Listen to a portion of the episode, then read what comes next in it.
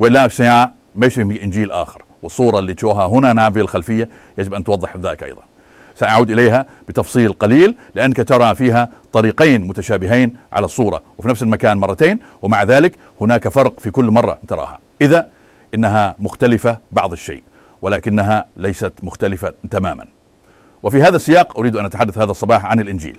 إذا التعبير العنوان الذي استخدمته هذا الصباح. يستمد من نص في غلاطية واحد. سنعود إليه لاحقا ولكن هذا في مرحلة لاحقة.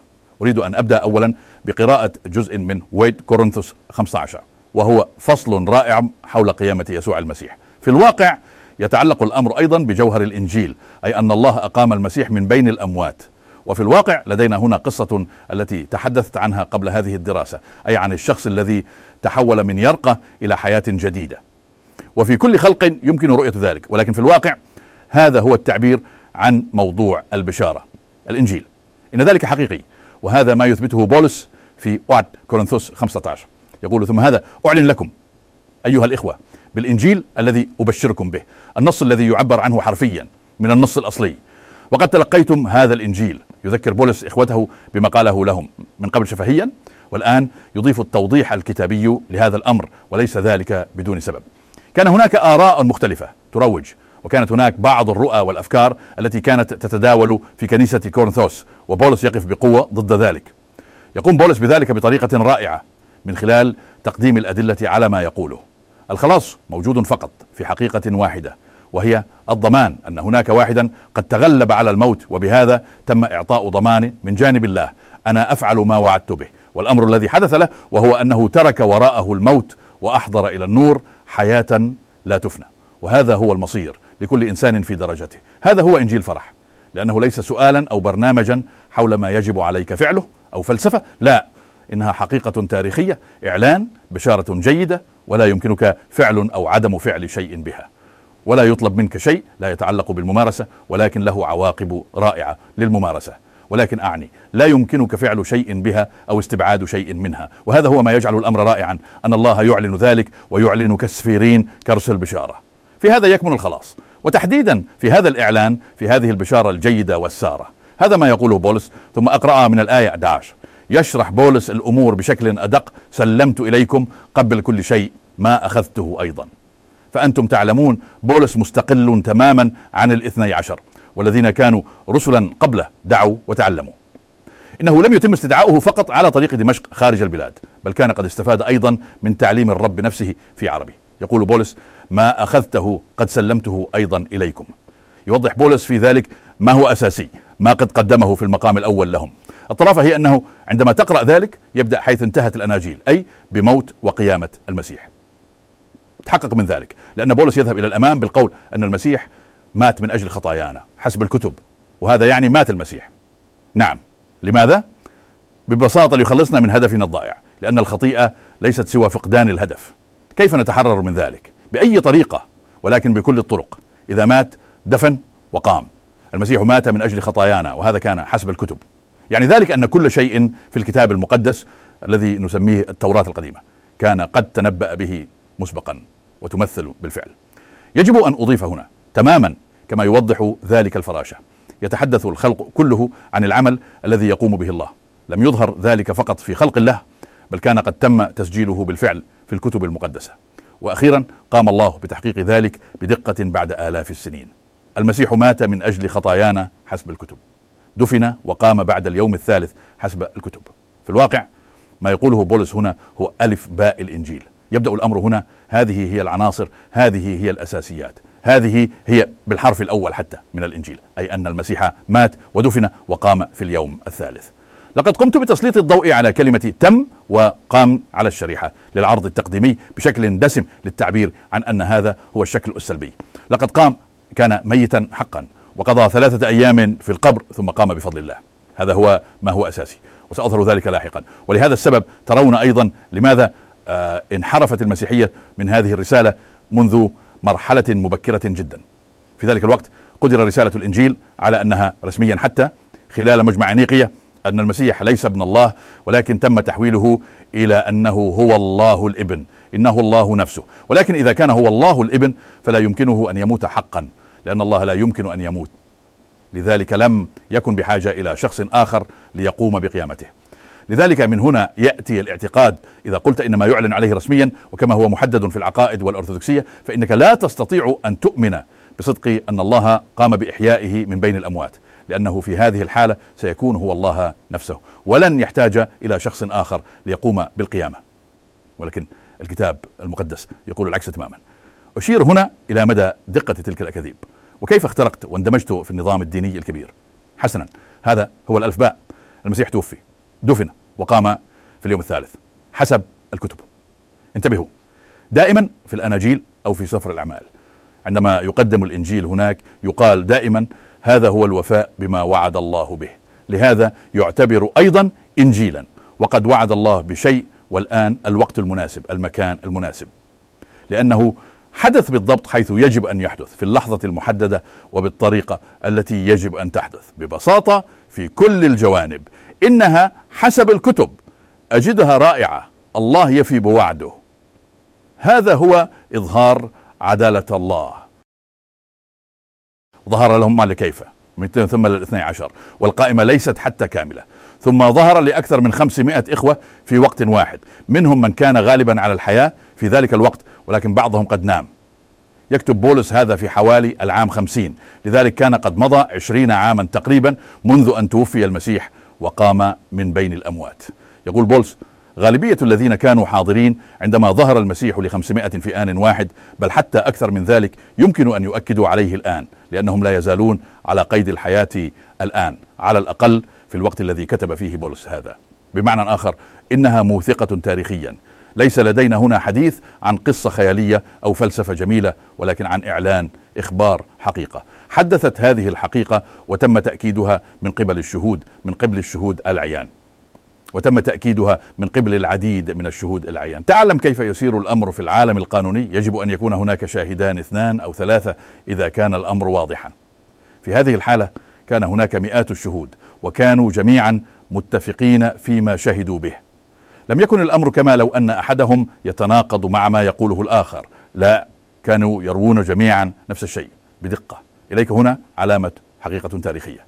يذهب بولس بعد ذلك ويقول ثم ظهر لهم جميعا اولا لكيف ثم للرسل جميعهم. لأن هذه الدائرة في الواقع أكبر بكثير من الاثني عشر ولكن الأخير وهذا هو الأكثر اقناعا بالنسبة لبولس وأيضا بالنسبة لنا بالمناسبة هو أنه ظهر لي أيضا. يقول بولس. لقد صعد المسيح إلى السماء بالفعل وبضع سنوات بعد القيامة.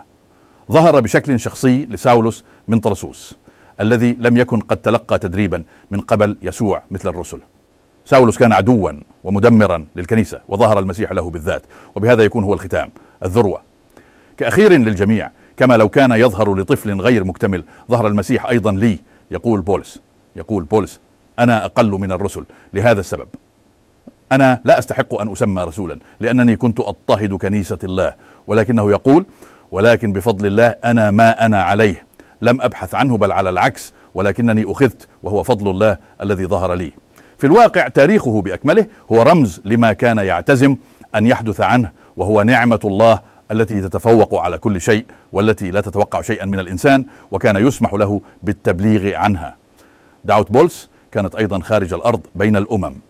ولكن بفضل الله أصبحت ما أصبحت وكانت نعمة الله ليست سدى لقد تعبت أكثر من جميعهم يقول بولس لكن ليس أنا بل نعمة الله التي معي. بولس تم أخذه وهذا ما قامت به نعمة الله به. إذا كان بولس لا يقف هنا ويقول لقد فعلت هذا هذا حدث لي ثم يأتي الآن الآية التي أرغب في التركيز عليها الآن وهي الآية 11 يقول إما أنا وهنا يتحدث بولس عن نفسه أو هم إما الرسل الاثني عشر أو كل الرسل مجتمعين ليس في الأمر أي فارق. سواء كنت أنا أو هم هكذا نبشر هكذا نبشر هكذا نكر. هذا ما يقوم به الهريرة. هكذا نعلن وهكذا تؤمنون أنتم. وهذا يعني أنها أساس إنجيل. مات المسيح دفن ولماذا؟ لكي يمكن أن يتم قيامه من بين الأموات في اليوم الثالث. في الواقع الإنجيل هو رسالة المسيح الذي قام. حيث أنه لا يمكن له أن يقوم إلا إذا مات اولا لا يوجد قيامة بدون موت. والحقيقة أنه مات وبقي في القبر لثلاثة أيام. يثبت أنه كان حقا ميتا. وفي اليوم الثالث أقامه الله. هذه هي الرسالة الدعوة. قد أقام الله المسيح حسب الكتب. وفقا لما كتب قامه من بين الأموات. يقول بولس هذا ما تلقيته. هذا ما بشرت به. وبغض النظر عما إذا كنت تسمع ذلك من الاثني عشر أو شخص آخر أو مني بولس يقول. هذه هي الرسالة نحن نعلنها وهكذا تؤمنون أنتم.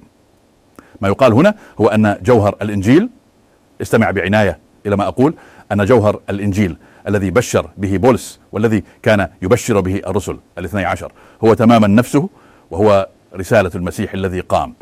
هذا ما كان يبشر به بولس والرسل الاثني عشر. هذه هي الرسالة التي تلقوها. هذه هي الرسالة التي ألحقت بها إيمانهم.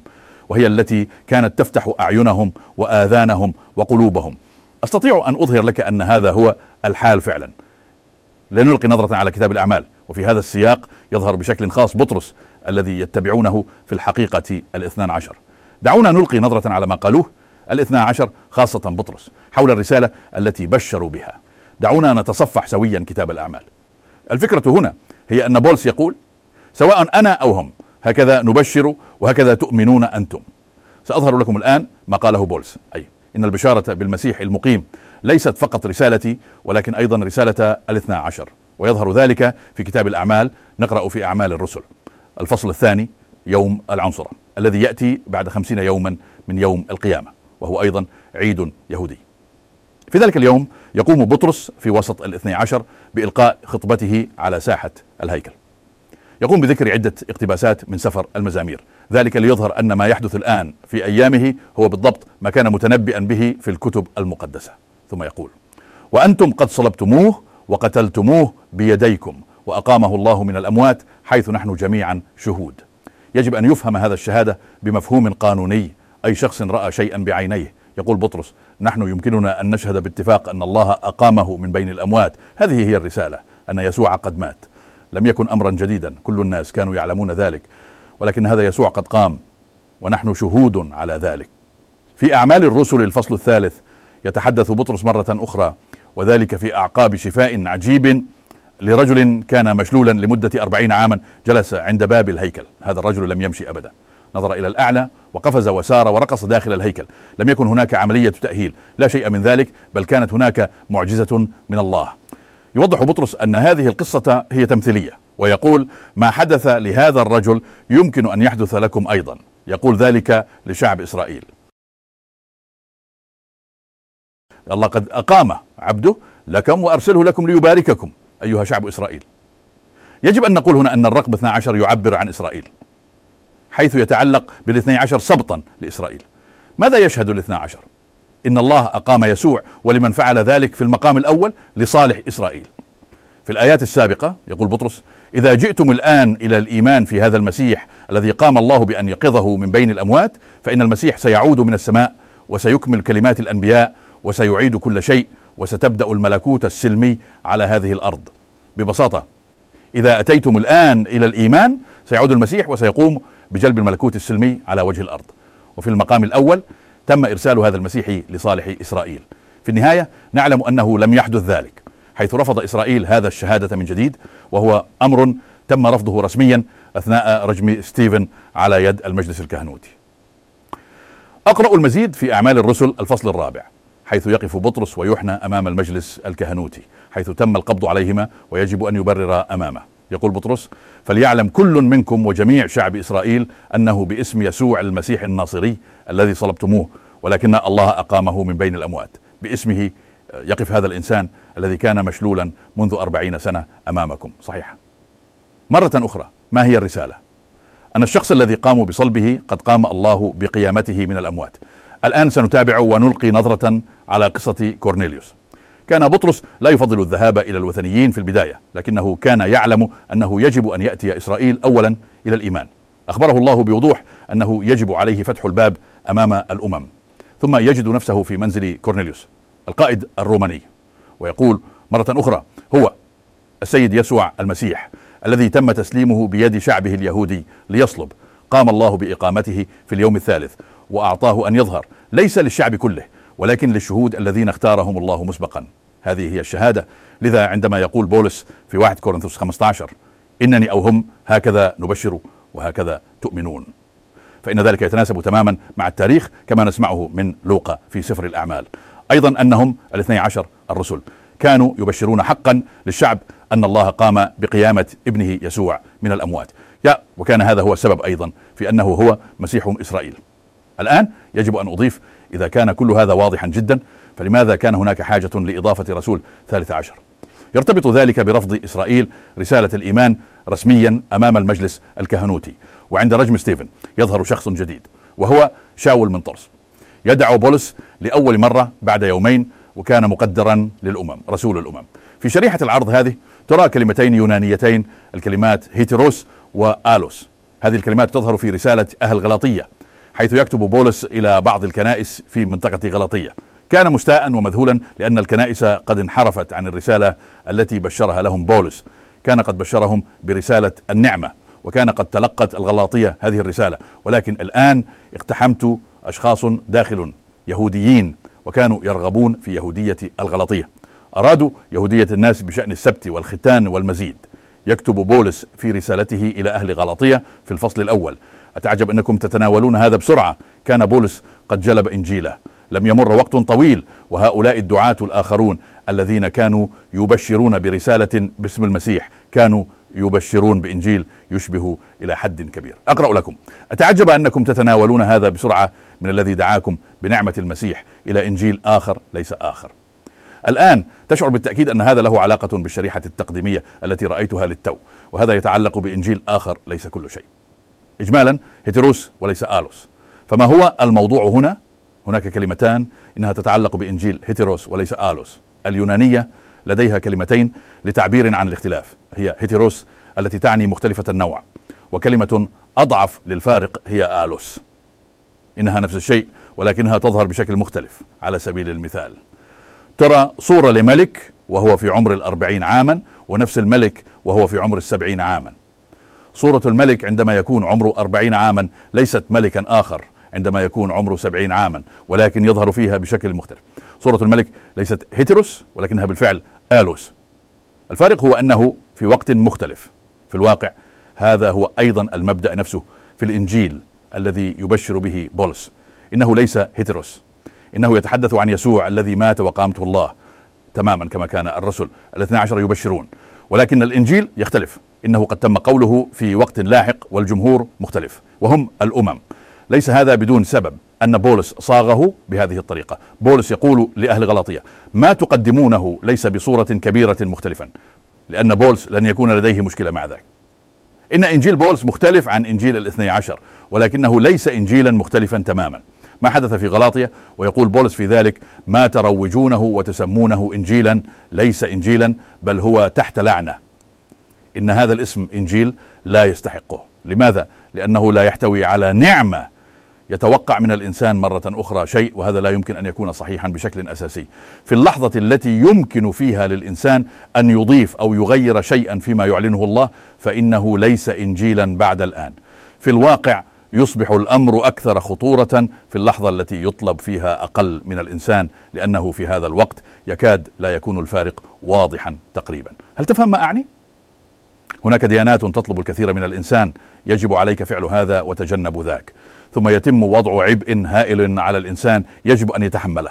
هناك أيضا ديانات تسهل الأمور كثيرا للإنسان يكفي أن تقوم ب أو إنها مجانية، عليك فقط دفع سنت واحد، إنها تقريبا مجانية. ولكن يكون الأمر خطيرا بالفعل في هذه الحالة لأنه يظهر كأنه مجاني، وهذا هو الذي يحاولون خداعك به، تماما كما يحدث في الإعلانات، ولكن يظهر لاحقا. عندما تقرأ النصوص الصغيرة أنه ليس مجانيا وأن هناك عواقبا متنوعة تترتب على ذلك يمكن أن تقع في الفخ بسهولة. أنا أيضا أعرف ذلك جيدا. أمر دقيق للغاية. وهذا هو أيضا الشيء المحير في المسيحي وهذا ليس لطيفا مني ولكنني أقول ذلك بوعي تام. لا يطلب الكثير من الإنسان ضمن المسيحية. عليك فقط أن تذهب إلى الكنيسة يوم الأحد. عليك فقط أن تختار الانضمام إلى يسوع. ومع ذلك الرسالة الحقيقية هي أن العمل قد انتهى. هذا هو البيان أن الله أقام يسوع المسيح من بين الأموات. وهذا هو الضمان سواء كنتم تصدقون أم لا. هذا هو الإنجيل. في ذلك يكمن الخلاص. ما حدث في غلاطية كانت الفوضى حيث قيل يمكنكم العيش ببر بشرط أن تختونوا أو تحتفلوا بأعياد إسرائيل. جميعها عادات وتقاليد يهودية يجب عليكم اعتمادها. هذا يعني أن هناك شرطا لتكونوا برراء. الإيمان وحده لم يعد كافيا ويقولون بحسب أهل غلاطية لم يعد الأمر كما كان مع إبراهيم الذي صدق الله واعتبر له البر كما نقرأ في رسالة رومية. بناء يقولون يجب عليكم فعل هذا وذاك لتكونوا برراء. فيما يخص ما قيل في غلاطيا يقول بولس في رسالته إلى أهل غلاطية. في الفصل ثلاثة الآية. واحد من سحركم يا غلاطية أن لا تطيعوا الحق أن لا تطيعوا النظراء وأنكم قد استحسدتم حتى قدرتم أن تكونوا أمة عظيمة. يتساءل في رسالته حيث يتساءل عن مكان سعادتهم. كانوا في يوم من الأيام سعداء جدا فماذا حدث لذلك؟ هذه هي دائما المصيبة عندما يطلب شيء من الإنسان. حينها يتم تنشيط الجانب البشري. يقول بولس ما تخبرون به هو إنجيل آخر وليس فقط مختلفا. الآن أصل إلى نقطة أخرى. عندما أتصفح فصلا اخرا وأصل إلى فصل الغلاطيين الثاني. في هذا الفصل يكتب بولس عن لقاء قام به في القدس مع 12 تلميذا. من بينهم ثلاثة تم ذكر أسمائهم يعقوب وبطرس ويوحنا. بهذا الترتيب وهذا هو نفس الترتيب الذي نجده في رسائل العهد الجديد قدموا هؤلاء الثلاثة لبولس يمين الشركة وكانوا قد واجهوا صعوباته مع بولس وما كان يقوله. اسألوا بطرس يقول إنه من الصعب فهم كل هذا. ومع ذلك لم يكن لديهم خيار سوى أن يعترفوا بأن ما قاله بولس كان صحيحا. أعطوه يمين الشركة. وعندما كان في القدس وفي أعمال الرسل الفصل 15 يتم وصف هذا اللقاء يقول النص فعندما علموا أن لي قد افتتن به الإنجيل المختوم للغير ختانا كما كان بطرس للختان لأن الذي صنع بطرس للرسالة إلى الختان صنع أنا للأتام ما هو تحديدا هذا الإنجيل؟ إنه إنجيل حيث لا يلعب الختان دورا. الغير ختان هو مصطلح فني إلى حد ما ولكنه يعني ببساطة سواء كنت قد تم ختانك أم لا. إما أن يكون لديك الختان أو لا. ليس بالضرورة اسما لطقوس ولكنه أكثر اسما لشعب. الختان هو في الواقع إسرائيل الشعب الذي لديه الختان وجميع الامتيازات المرتبطة به. إن إنجيل بولس ينفصل عن ذلك. إنه لا ينكر امتيازات الختان ولكن في إنجيله لا يلعب الختان دورا. ولهذا السبب يسميه إنجيل الختان. للأسف يتم تقديم هذا بشكل غير صحيح في الترجمات الحديثة للكتاب المقدس.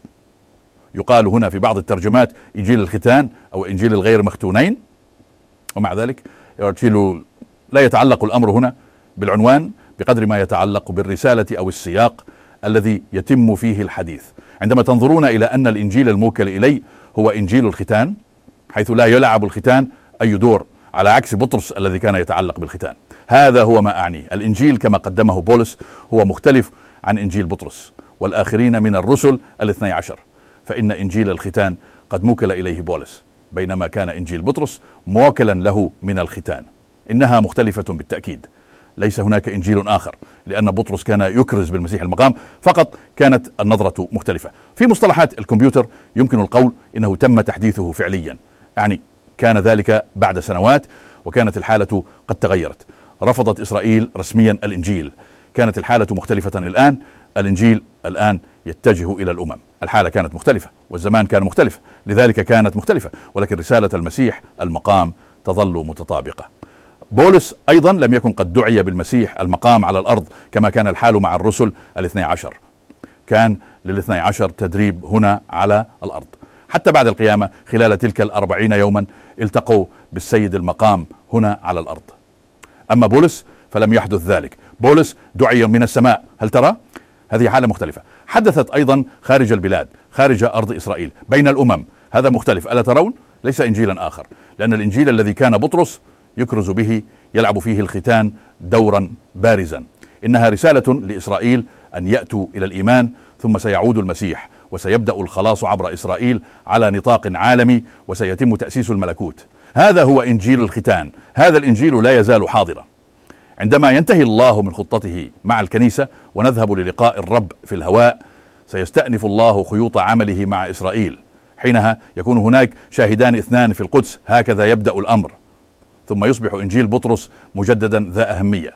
ثم تصبح رسائل نجد في العهد الجديد من بطرس يوحنا ويعقوب ذات أهمية مجددة. بس الآن نعيش في الفاصل في الوقت الذي يتوقف فيه إنجيل الختان لحظيا. هذه هي الفترة التي يكرز فيها بولس بالإنجيل. آمل أن تفهموا أن هذا مختلف. وحيث يتم التركيز في هذه الدراسة فإنه يتعلق بنفس الإنجيل في الأساس والذي هو متطابق. الأبجدية العناصر هي متطابقة. في إنجيل الختان الرسالة هي أن الله يدعو إسرائيل الختان بينما في إنجيل الختان يدعو الله شعبا وثنيا. في الواقع في رسالة بولس كما يبشر بها ينضم اليهود إلى هذا الشعب حيث يصبحون واحدا حيث لا يلعب الختان أي دور أكثر. في رسالة بولس إلى أهل روما 11 يكتب بولس أن الله يدعو بإحسان بأمة غير حكيمة ليغير إسرائيل إلى الغيرة إن إنجيل الختان لديه منظور دنيوي حيث تم الوعظ به من قبل الاثني عشر الذين عرفوا الرب على الأرض مع التركيز على ما سيحدث على الأرض مع القدس والأمم. هذا هو منظور دنيوي. أما إنجيل الختان فهو يتعلق بمنظور سماوي. بولس دعي من السماء وعلاوة على ذلك الشعب الذي يتم نداؤه اليوم له مصير سماوي. انظر أيضا رسالة بولس إلى أهل أفسس هذا هو الفارق. هل تتناقض هذه الإنجيلات مع بعضها البعض؟ هل هي متناقضة؟ لا إنها مختلفة. الاثني عشر أيضا اعترفوا بهذا. كانوا يواجهون صعوبة في فهم ذلك والتفكير فيه. هذا صحيح ولكن في إنجيل الختان يتم إعلان نوع جديد من التدبير. يقول بولس أيضا وأمانت إلي هذه التدبيرة. هذا هو إدارة جديدة. هذا هو التدبير حيث أصبح الاثنان واحد. هذه هي الفترة الزمنية المؤقتة الانقطاع. الله سيستأنف خيوط عمله مع إسرائيل في المستقبل. ولكن هناك شيء واحد ودعني أنهي به شيء واحد يظل متطابقا. المسيح المقام سواء كنا نعرفه كما عرفه الاثني عشر هنا على الأرض أم نعرفه كما هو الآن هناك عند يمين الله وأننا سنذهب في هذا الاتجاه في المستقبل. في كلتا الحالتين نتحدث عن المسيح المقام الذي يظل متطابقا تماما. لذلك ليس هناك إنجيل آخر ولكن بالفعل هو مختلف. وهذه نهاية دراستك الكتابية. مسرني أنك استمعت. كانت هذه دراسة من مؤسسة جود بريخت الهولندية حيث يكمن الاهتمام في إنجيل الرسول بولس ويتم استخدام النص اليوناني الأصلي قدر الإمكان بدلا من الترجمة الإنجليزية العادية هل ترغب في معرفة المزيد عن إنجيل بولس؟ يمكنك ذلك عبر www.goodbericht.nl يمكن ترجمة الموقع الهولندي تلقائيا إلى لغتك المفضلة باستخدام إضافة اللغة عبر متصفح كروم أو فايرفوكس تم تقديم هذه الدراسة الكتابية باللغة الهولندية أصلا وتم ترجمتها إلى لغتك باستخدام الذكاء الاصطناعي.